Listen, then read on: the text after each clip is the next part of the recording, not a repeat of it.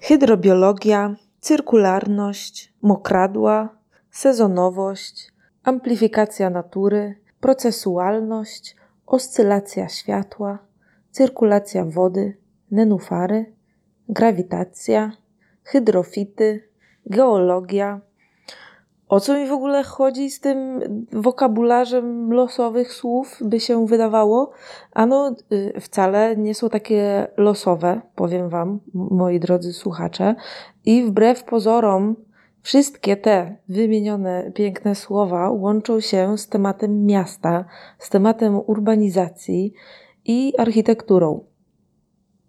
Skoro Taco Hemingway swoimi tekstami jest bardzo na czasie z sytuacją w polityce lub w państwie, to zapraszam serdecznie pana Taco do użycia właśnie tej nomenklatury w kolejnym utworze, ponieważ to właśnie będą słowa klucze w dyskusjach o miastach.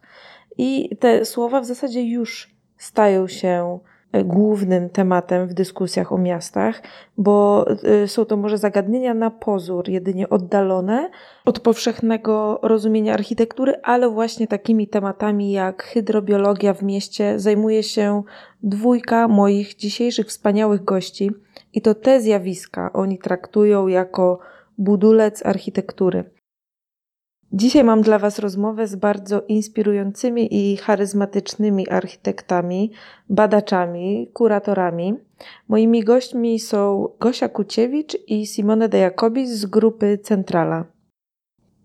Gosia Kuciewicz studiowała architekturę m.in. w Warszawie, ale również w Montpellier i w Tampere. Zdobywała doświadczenie w Berlash Institute w Amsterdamie, ale również na wielu przeróżnych warsztatach – Simone de Jacobi studiował architekturę w Rzymie, a doświadczenie zdobywał również w Amsterdamie czy w Rotterdamie. Simone 10 lat temu miał możliwość odbywania praktyk w Warszawie, wykorzystał tę sytuację i został na dłużej. I 10 lat później razem z Gosią stanowią trzon grupy Centrala. A Centrala to y, bardzo specyficzna warszawska pracownia. W zasadzie grupa działa tak na styku architektury, badań, researchów, tworzą instalacje, działają warsztatowo i artystycznie. Właśnie dzięki tym działaniom warsztatowym 6 lat temu miałam okazję ich spotkać i w zasadzie w momencie założenia podcastu od razu trafili na szczyt mojej takiej wish guests listy ale y, ta lista to tajemnica, więc nie mówcie nikomu. E, tak więc y, grupa centrala to, to tacy poszukiwacze, naprawdę inspirujący poszukiwacze. Ich działania są bardzo często zaczynem do dyskusji. Prowadzą liczne spacery, wykłady, warsztaty, generalnie bardzo aktywnie działają w mieście. Możecie ich znać być może z wygranej w międzynarodowym konkursie na, na projekt, na ideowy projekt rewitalizacji terenów sportowych Warszawianki. A może kojarzycie ich z uczestnictwa w Biennale Architektury w Wenecji, z wystawy Amplifikacja Natury. Również zaprojektowali ekspozycję polską na Triennale w Mediolanie. Obecnie centrala kontynuuje ten temat, tworząc właśnie projekty, jak to nazywają, o architekturze w przyrodzie i przyrodzie w architekturze. I to jest również temat, wokół którego orbituje nasze spotkanie. Co więcej, co więcej, od 2013 roku opiekują się domem Hansenów w Szuminie. Jest to taki manifest e, formy otwartej architektów Hansenów, budowany od 1968 roku. Zlokalizowany jest e, w Szuminie, to jest e, taka godzinka drogi samochodem z Warszawy. Od 2015 roku działają na rzecz rewitalizacji warszawianki, natomiast w tym momencie badają dorobek Aliny Scholz, więc myślę, że to tylko kwestia czasu, aż usłyszymy nieco więcej o tej uznanej, ale niewystarczająco znanej prawdopodobnie architektce zieleni, która przyczyniła się do odbudowy przede wszystkim warszawskich terenów zieleni po II wojnie światowej. O czym rozmawiam z Gosią i Simone? Po prostu pytam, w jaki sposób moi goście rozumieją miasto tak naprawdę. Czym jest dla nich architektura, jak na nią patrzeć poza kształtem, formą, kolorem i taką skończoną formą, którą zazwyczaj widzimy bez większego rozpoznania i zastanowienia się. Rozmawiamy o procesach czy o żywiołach, które kształtują architekturę i miasto. Jak to się stało, że w rozmowach o mieście gdzieś zgubiliśmy tematy właśnie hydrobotaniki. Mm, są rozmowy o zieleni, ale już niekoniecznie na przykład o roślinach wodnych, które no, gdzieś kompletnie zostały zapomniane, a nawet z niektórych projektów zostały usunięte, chociażby właśnie z różnych modernistycznych przykładów no występuje taki, taki troszkę hydrozamordyzm. To powinien być tytuł tego odcinka, ale pewnie nie będzie. Rozmawiamy również, dlaczego tereny mokradeł, tereny wilgotne są istotne w miastach, szczególnie w obliczu katastrofy klimatycznej.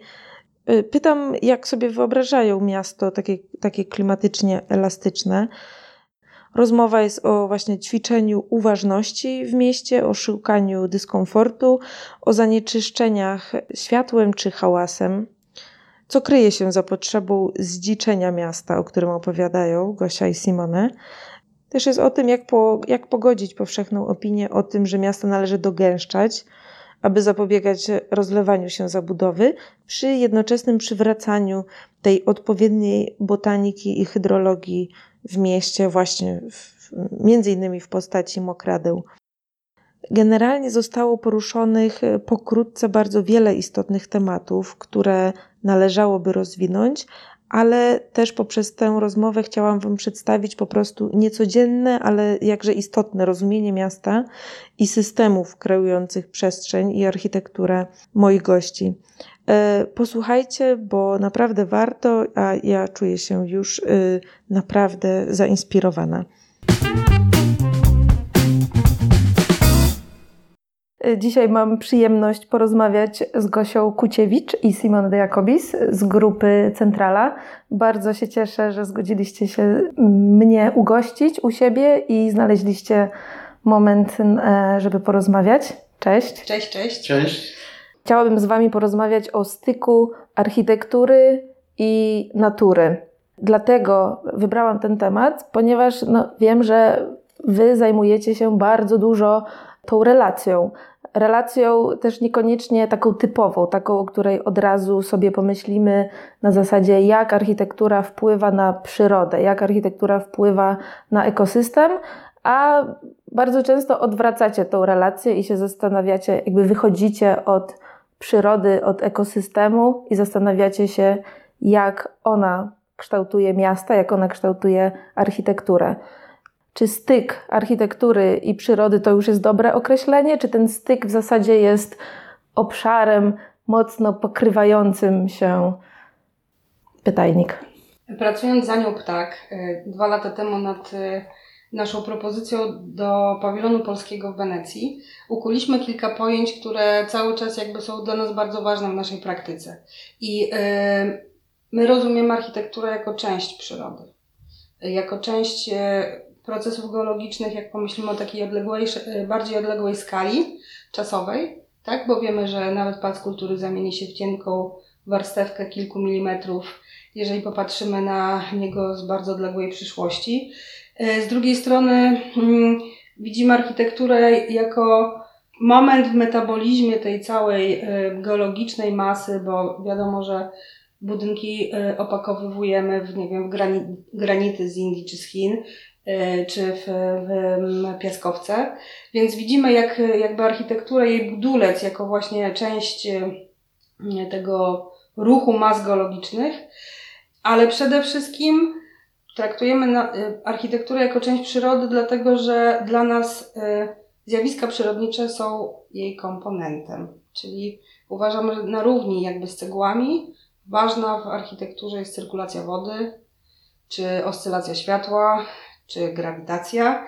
I wiem, że to na pierwszy rzut ucha brzmi jakby, mm, że to jest coś oczywistego, ale z drugiej strony takich projektów, które świadomie korzystają z tych komponentów jest dosyć niewiele i, i my ich poszukujemy. To znaczy, z jednej strony dla mnie to brzmi jako jakaś rzecz oczywista, ale z drugiej strony mocno abstrakcyjnie, bo domyślam się, że chodząc sobie po mieście, no nie wiem, nie zastanawiamy się za bardzo nad. Być może się zastanawiamy nad jakąś tkanką zieleni, nad systemem wodnym, ale generalnie widzimy zabetonowane powierzchnie, budynki, architekturę, infrastrukturę, taką rozumianą jako transport. No a raczej nie mamy świadomości, co tam się znajduje pod ziemią, jakie są te, nie wiem, systemy podziemne. Tylko, wiecie, chodząc po mieście, ja w sumie nawet widzę głównie trzy systemy typu architektura jako tkanka, ta infrastruktura niebieska i zielona. No właśnie, dla nas architektura jest czasownikiem, E, czyli nie widzimy jej poprzez obiekty, tylko właśnie poprzez procesy, które jakby w niej się jakoś manifestują.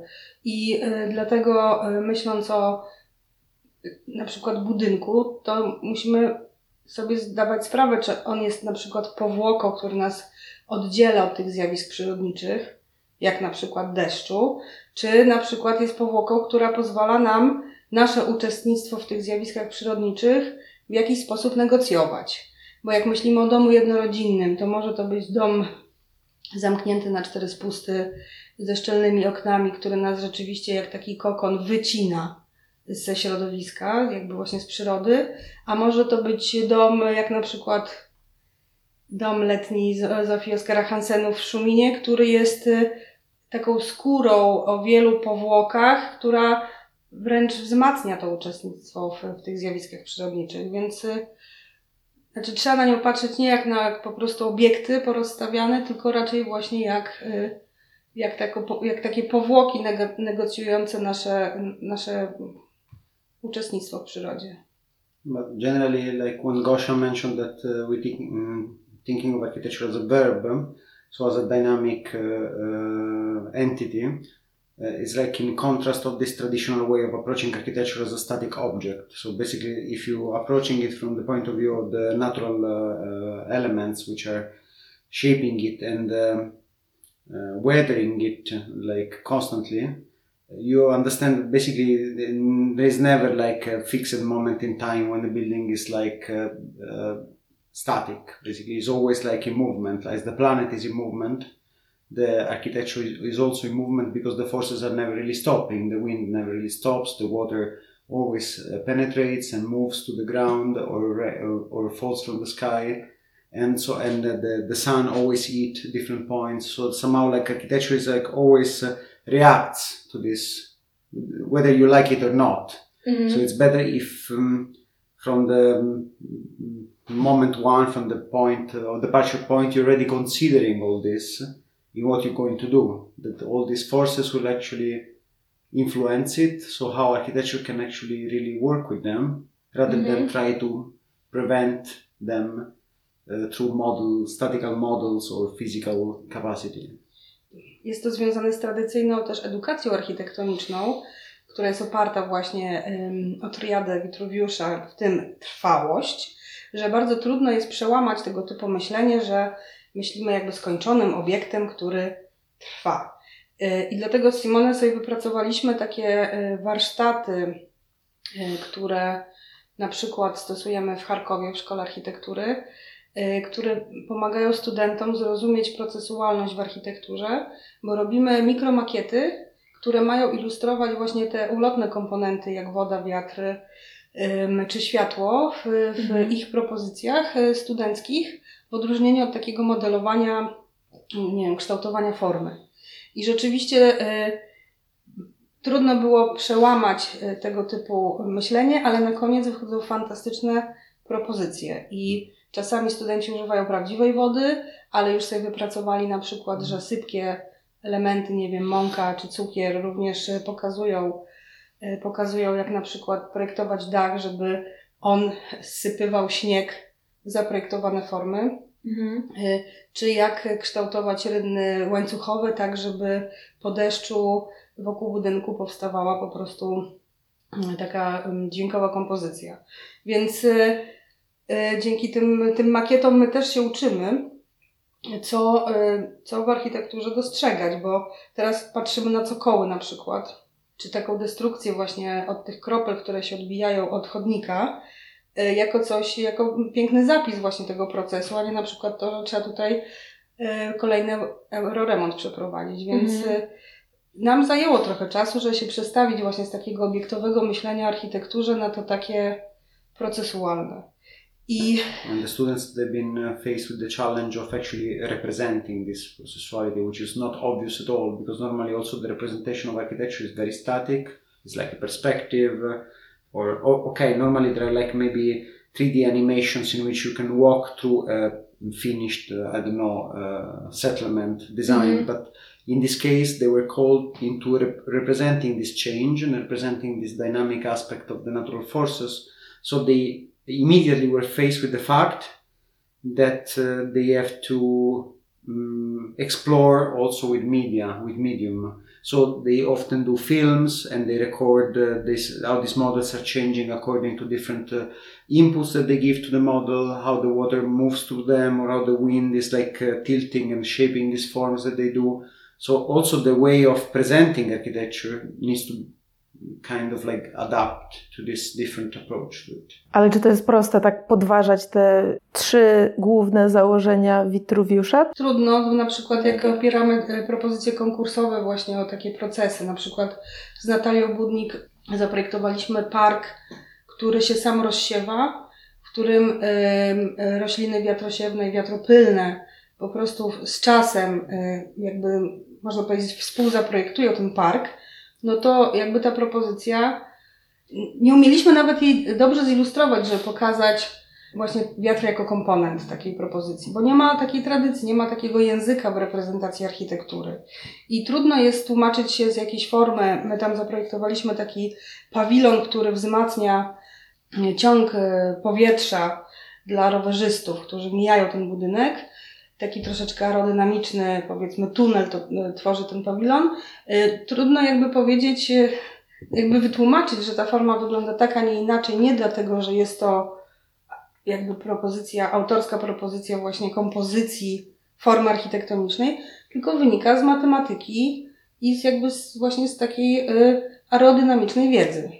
No tak, to skupienie na formie chyba jest mocno zauważalne, ale to jakby jeszcze będę forsować e, trochę te żywioły w, w mieście, tak. o których e, Simone wspomniał.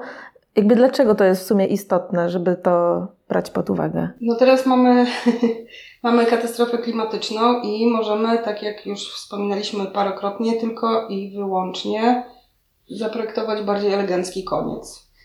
I y, dlatego y, jakby w, zwrot taki, jeżeli chodzi o to zainteresowanie przyrodnicze, może przywrócić ta, takie zwyczaje, wiedzę, które, y, y, która, y, którą my znajdujemy na przykład w przedmodernizmie.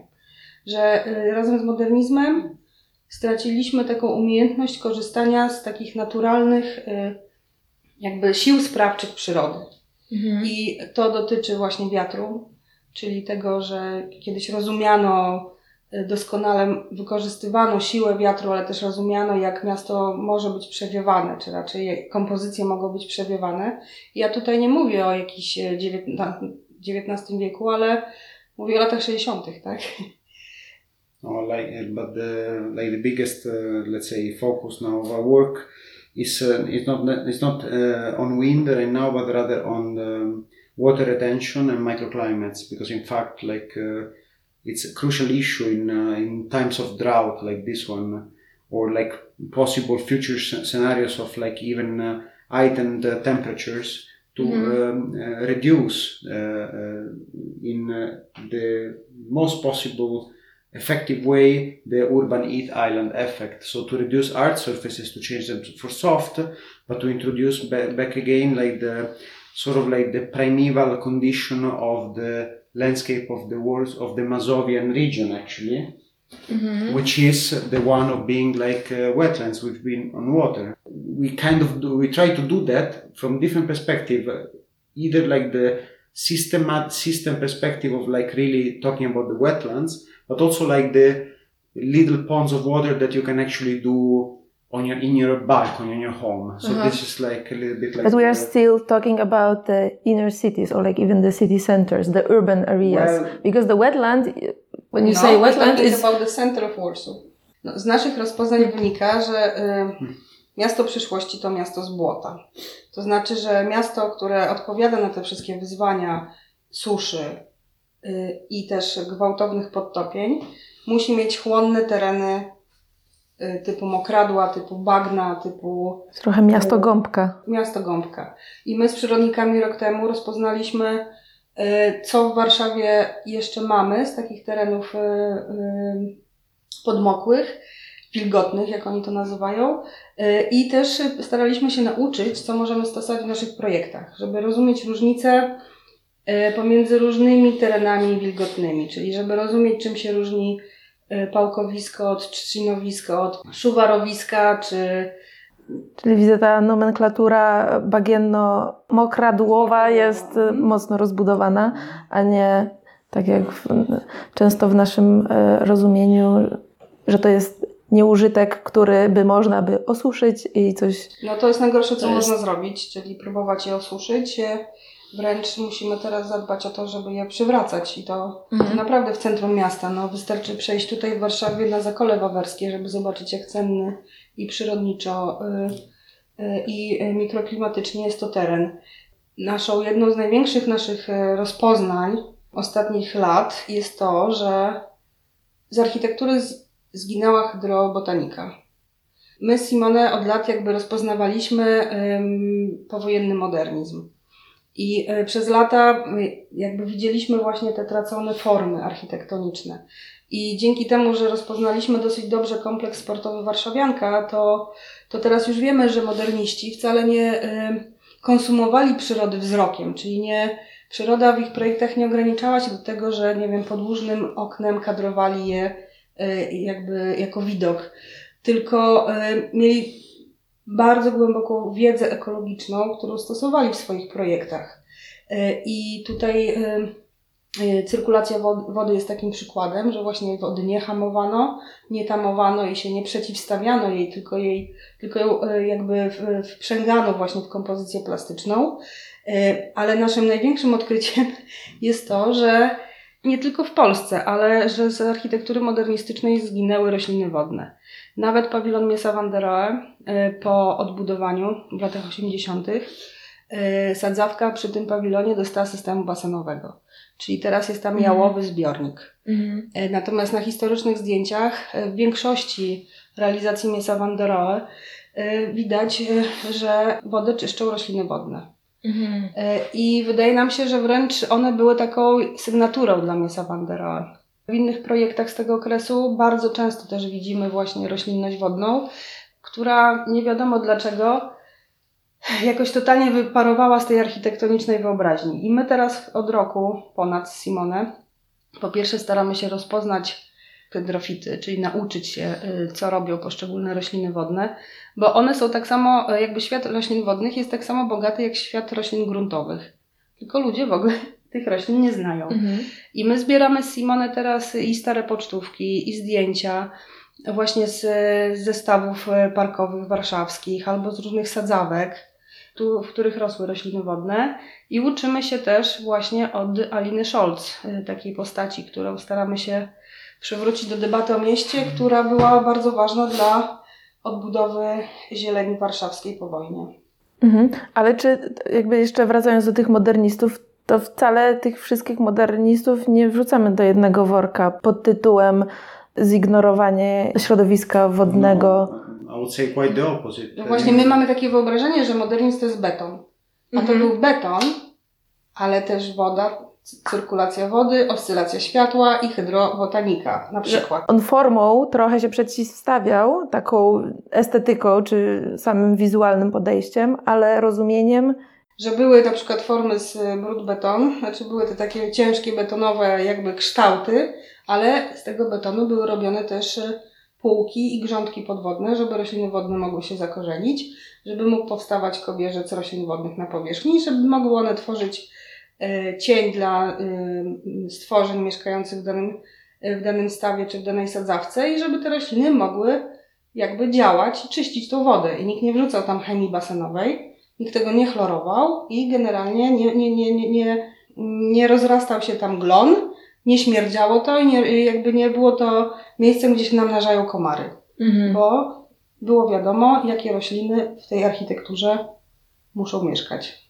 Because maybe I can maybe mention another uh, character which is like quite uh, timely and contemporary issue now, which is like you know the health issue. Because like if you think about like the manifesto of the modernity of the modernism is also uh, very connected with the hygienization and the uh, hygienic city, with like bringing back like the the uh, proper amount of uh, sun and proper amount of greenery. So in this uh, kind of concept of like having a, a proper amount of greenery, proper amount of water, proper amount of like uh, enjoyment of nature by the inhabitants is also producing like reservoirs of uh, landscape within cities. And somehow like we, we lost that through the years, like heavily through development and densification and uh, every forms that have been eroding this knowledge, right? Mhm. Like already it was, as Gosha mentioned, it was still there in the 60s and the 70s. This book published about like the quality of the Warsaw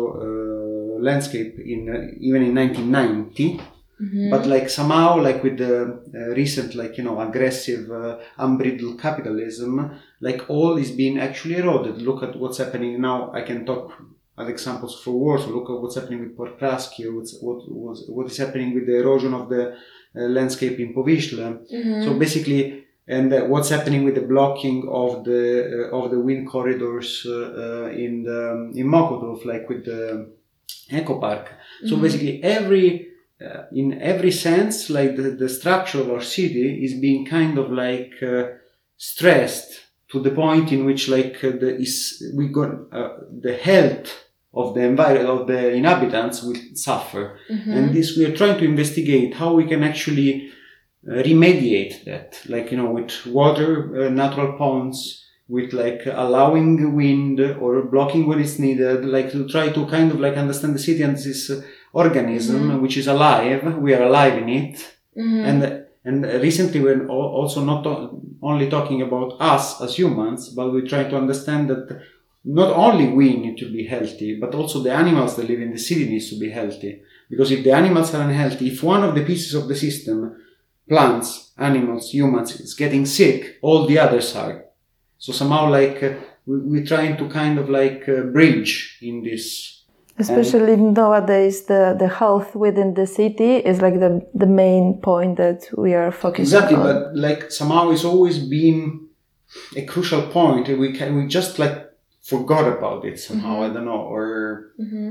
But at, at, at the same time, the, the answer is not to stop building within the city, right? I mean, it, because from the other hand, we try to avoid the urban sprawl, people still coming into the city. I mean, we are saying a lot about the, uh, densifying the urban structure. So from the one point, we should keep the wetland, keep the greenery, the water system, everything, take care of the ponds, lakes, muds, everything. But then we also like to densify the city so we avoid the urban sprawl and we still have a huge demand of the dwellings, of the public facilities and so on. So how, where's, where's the balance? No, my obserwujemy, jak zmienia się teraz relacja pomiędzy architektami krajobrazu i architektami.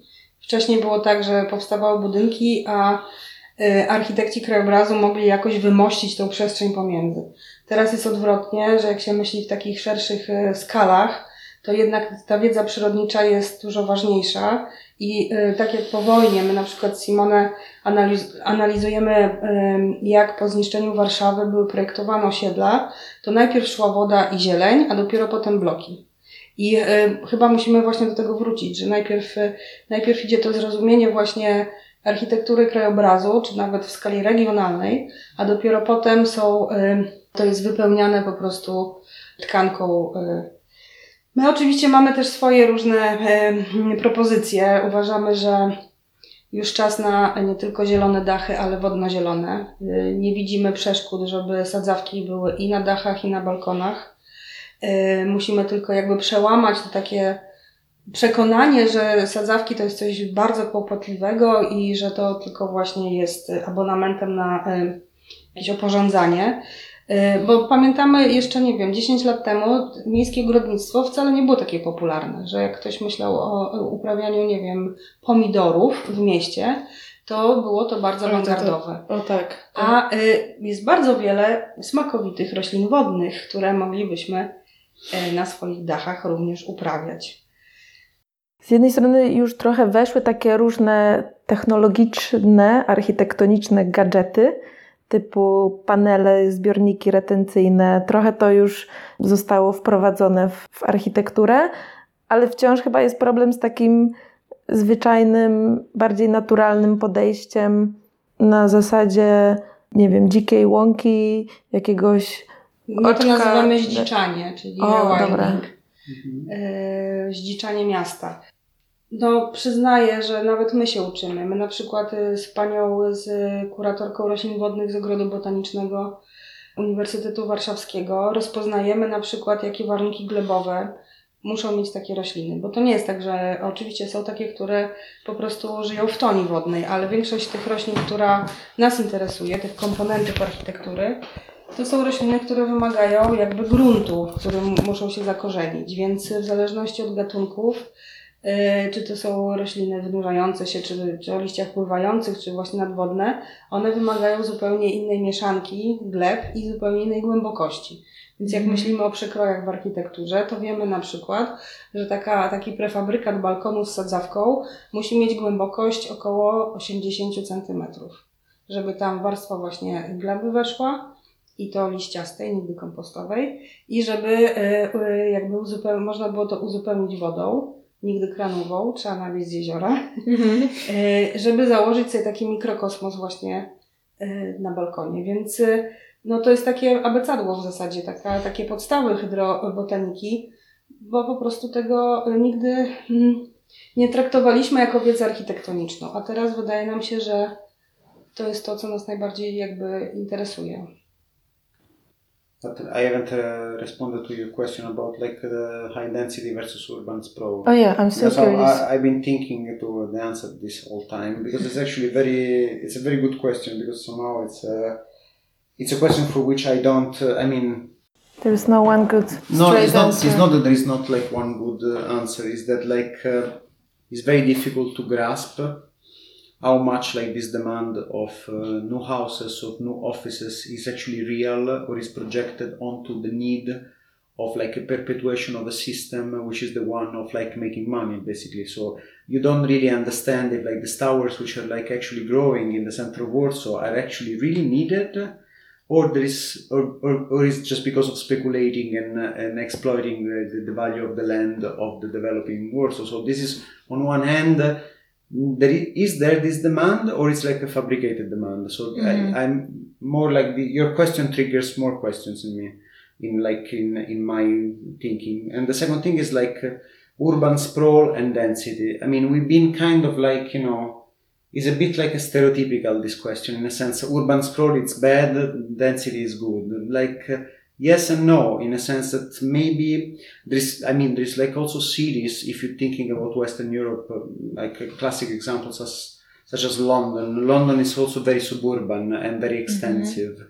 so you would say that it's a very dysfunctional city it has like a quite a tall core of skyscrapers but most of the city is row houses in the greenery so and it's one of the cleanest city in the world in terms of like uh, uh, air pollution because it's been actively yes, top down uh, declared with the with the Clean Air Act in 19 uh, I don't remember 60s or 70s uh, because of the big London smog of the previous year. So basically, if we have like a good top down policy, basically we can make uh, also Polish cities as clean as London. And the important is that we don't disrupt the natural environment in uh, while we construct. So I wouldn't like argue for sprawl or for density. I would just say that with whatever system you, you choose, you, you have to do that in a way to preserve like the quality of, of air.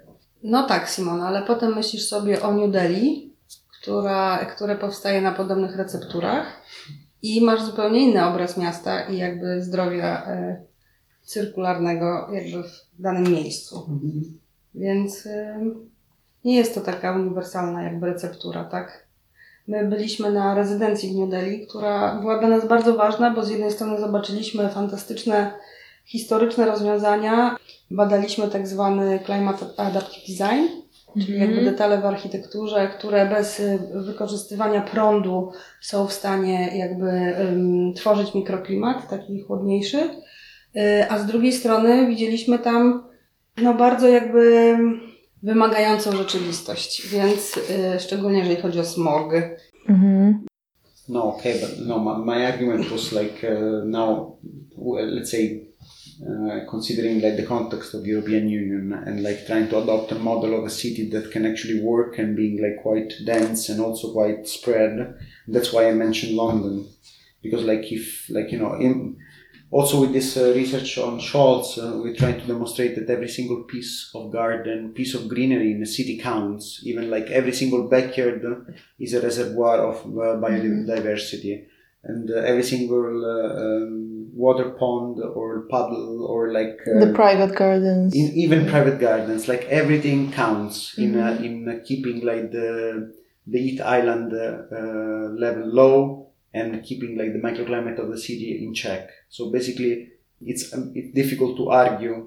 Maybe like the, the most challenging part is to introduce these uh, natural systems into highly dense areas. Let's say, Mhm. and this is why Gosha mentioned like this uh, working with the roofs, which is like an in- incredible amount of like square meters in which we can actually do something in that can help in the sense, Mhm. right? które przez wiele lat były po prostu nieużytkami.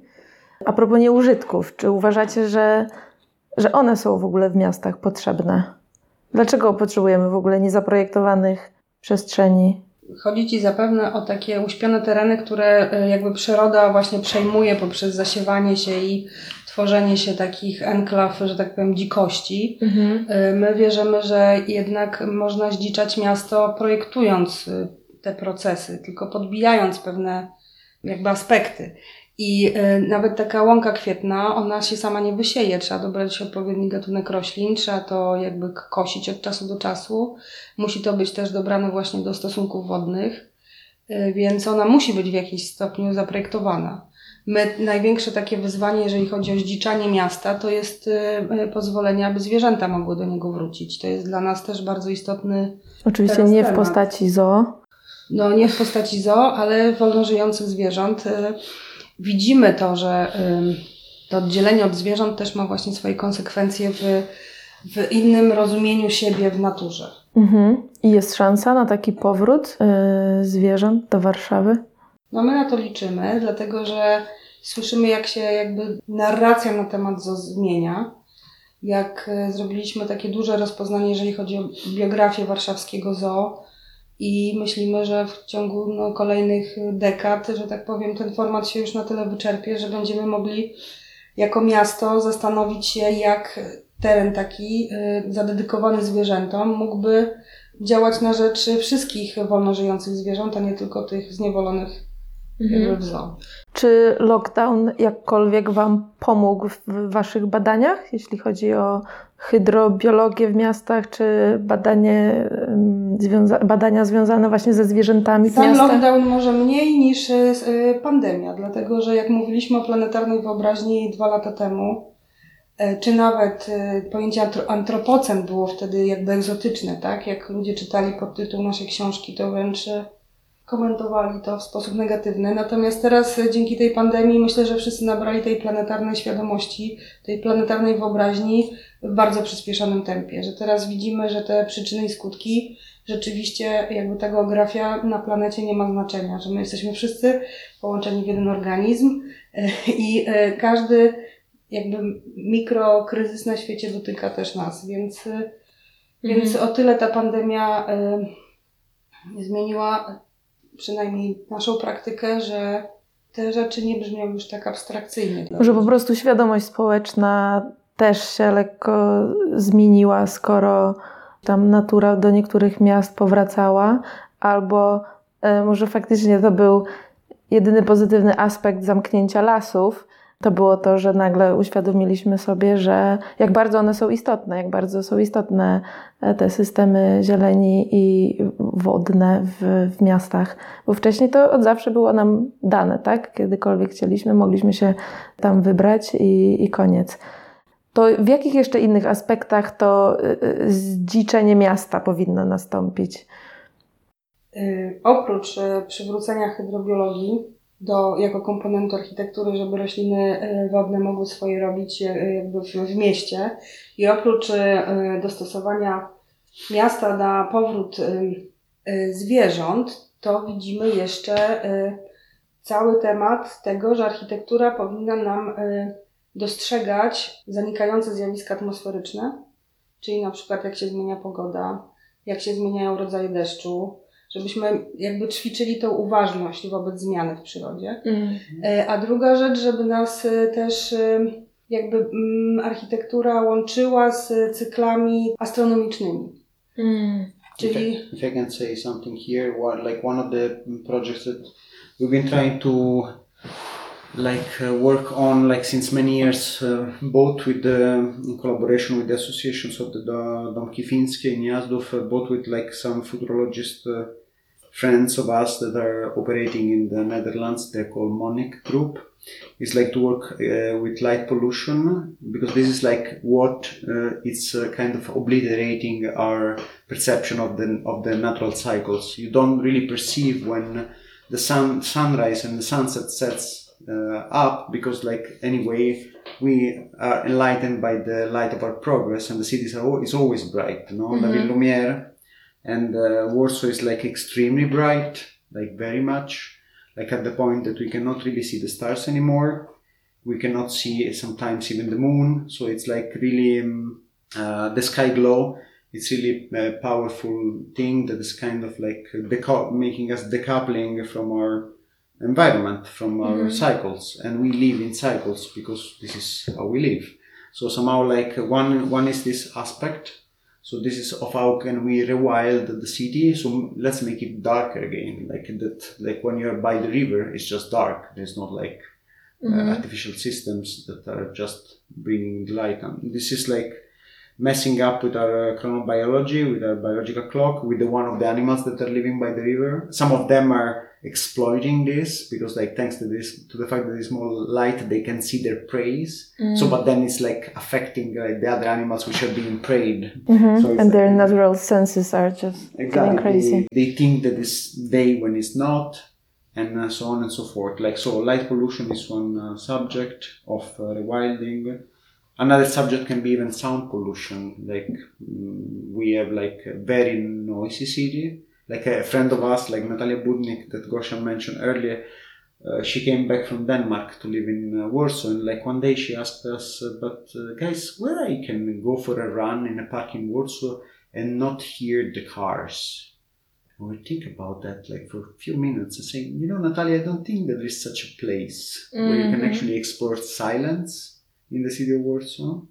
And this is like quite uh, shocking and also like it's not touching only us but once again the animals that are living in the city they can they cannot communicate between themselves because mm-hmm. they cannot hear one another. So we have only the species that can actually have a high pitch so they can actually talk to one another.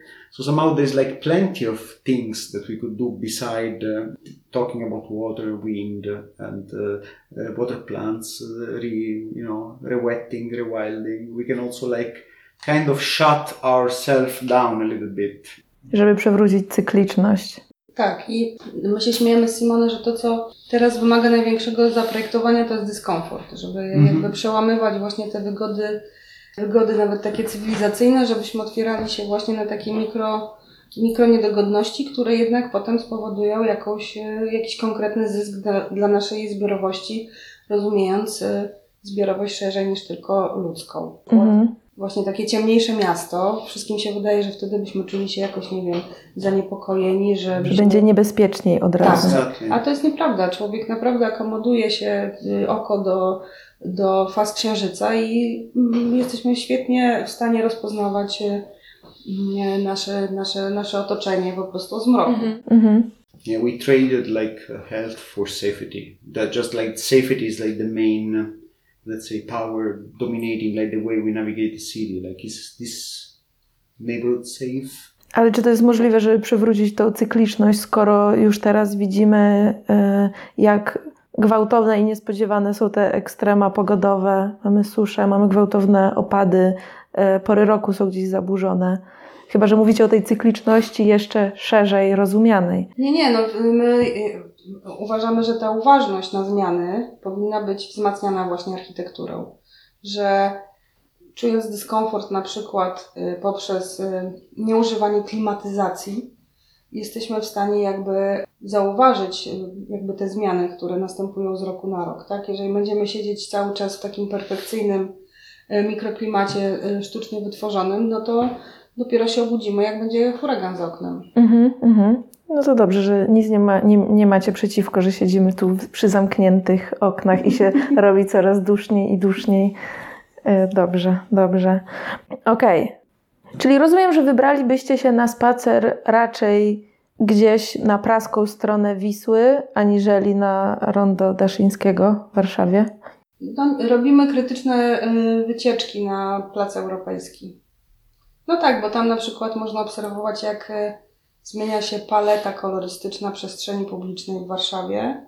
Po wojnie e, jakby ustalono, że w związku z tym, że w Warszawie jest tak dużo dni z taką pokrywą chmur, że e, jakby światło nie dociera takie bezpośrednie, jest taki przytłumiony światłocień, to ustalano, że ta paleta będzie taka w ciepłych piaskowych barwach. Mhm. Teraz w tych nowych inwestycjach e, to jest przesterowane w, takie, w taką paletę zimno-niebieską. A to Właśnie. ciekawe, zupełnie nie zauważyłam tego. Tak, ale my robiliśmy dla Benzmiany takie na place Warszawy, można sobie obejrzeć takie nasze rozpoznania właśnie jeżeli chodzi o paletę kolorystyczną warszawskiej przestrzeni publicznej oraz tak zwaną helioplastykę, czyli to jak relief architektoniczny, nie wiem, fasady rzeczywiście zmienny jest podczas y, operacji jakby słońca. Mhm. Mieliśmy kiedyś y, bardzo ciekawą, bardzo rozbudowaną jakby właśnie tą helioplastykę w architekturze, a teraz ta współczesna architektura jest taka łaska. Mm-hmm. But generally speaking, this is touches a bit what uh, Gosha was talking uh, at the beginning about at the beginning of the interview regarding like this metabolism and how the fact bringing new materials in the city and now like the well it's not new but like what's happening with the new skyscrapers in warsaw is like this uh, incredible amount of glass so basically the barba of the glass the color palettes of these new towers is mostly blue funny thing i was mm-hmm. like uh, talking with marcin kwietowicz uh, next to his uh, latest realization this little uh, skate uh, park next to the Park Zwiętoszewski, next to the construction site of the Museum of Modern Art. And I asked him why he picked up the blue for the painting of the wood. And he said that because this blue will resonate with the colors of the building around. Because in fact, if you look around yourself at the Intercontinental or like Rondo NZ or the Rondo Jeden, I mean, and the New Sesame, it's all basically glass and blue. Mm-hmm. So basically the, the, plastered uh, warm colors. So the building is being changed, and this is affecting also the how we see the colors in our spaces. And Plac Europejski is one of the bluest mm-hmm. blue area of the new Warsaw. It's cold in a sense. It is true. And then in the in the panorama of Warsaw, the aim of uh, many urbanist architects is to hide somehow the Palace of Culture and Science, but not with this material. It will never happen, even with the form and shape, is trying to somehow hide it, get the attention, but then the, the texture and the color is actually, yeah, completely different. Dobra, no to jak już Simone stwierdził, że, że, że to jest piękna klamra i w zasadzie wracamy do tego, co zostało powiedziane na, na początek, to y, ja tym bardziej chciałabym Wam podziękować za poświęcony czas. Trzymam kciuki za to, aby faktycznie architekci krajobrazu może y, wzięli po prostu berło do ręki i, i trochę przegonili architektów i to oni stawiali warunki, albo nie tyle architekci krajobrazu, ale też hydrolodzy, biolodzy i e, wszyscy tego typu naukowcy w mieście. E, dziękuję Wam bardzo za, za spotkanie i za rozmowę. Dzięki. Dzięki. Koniec.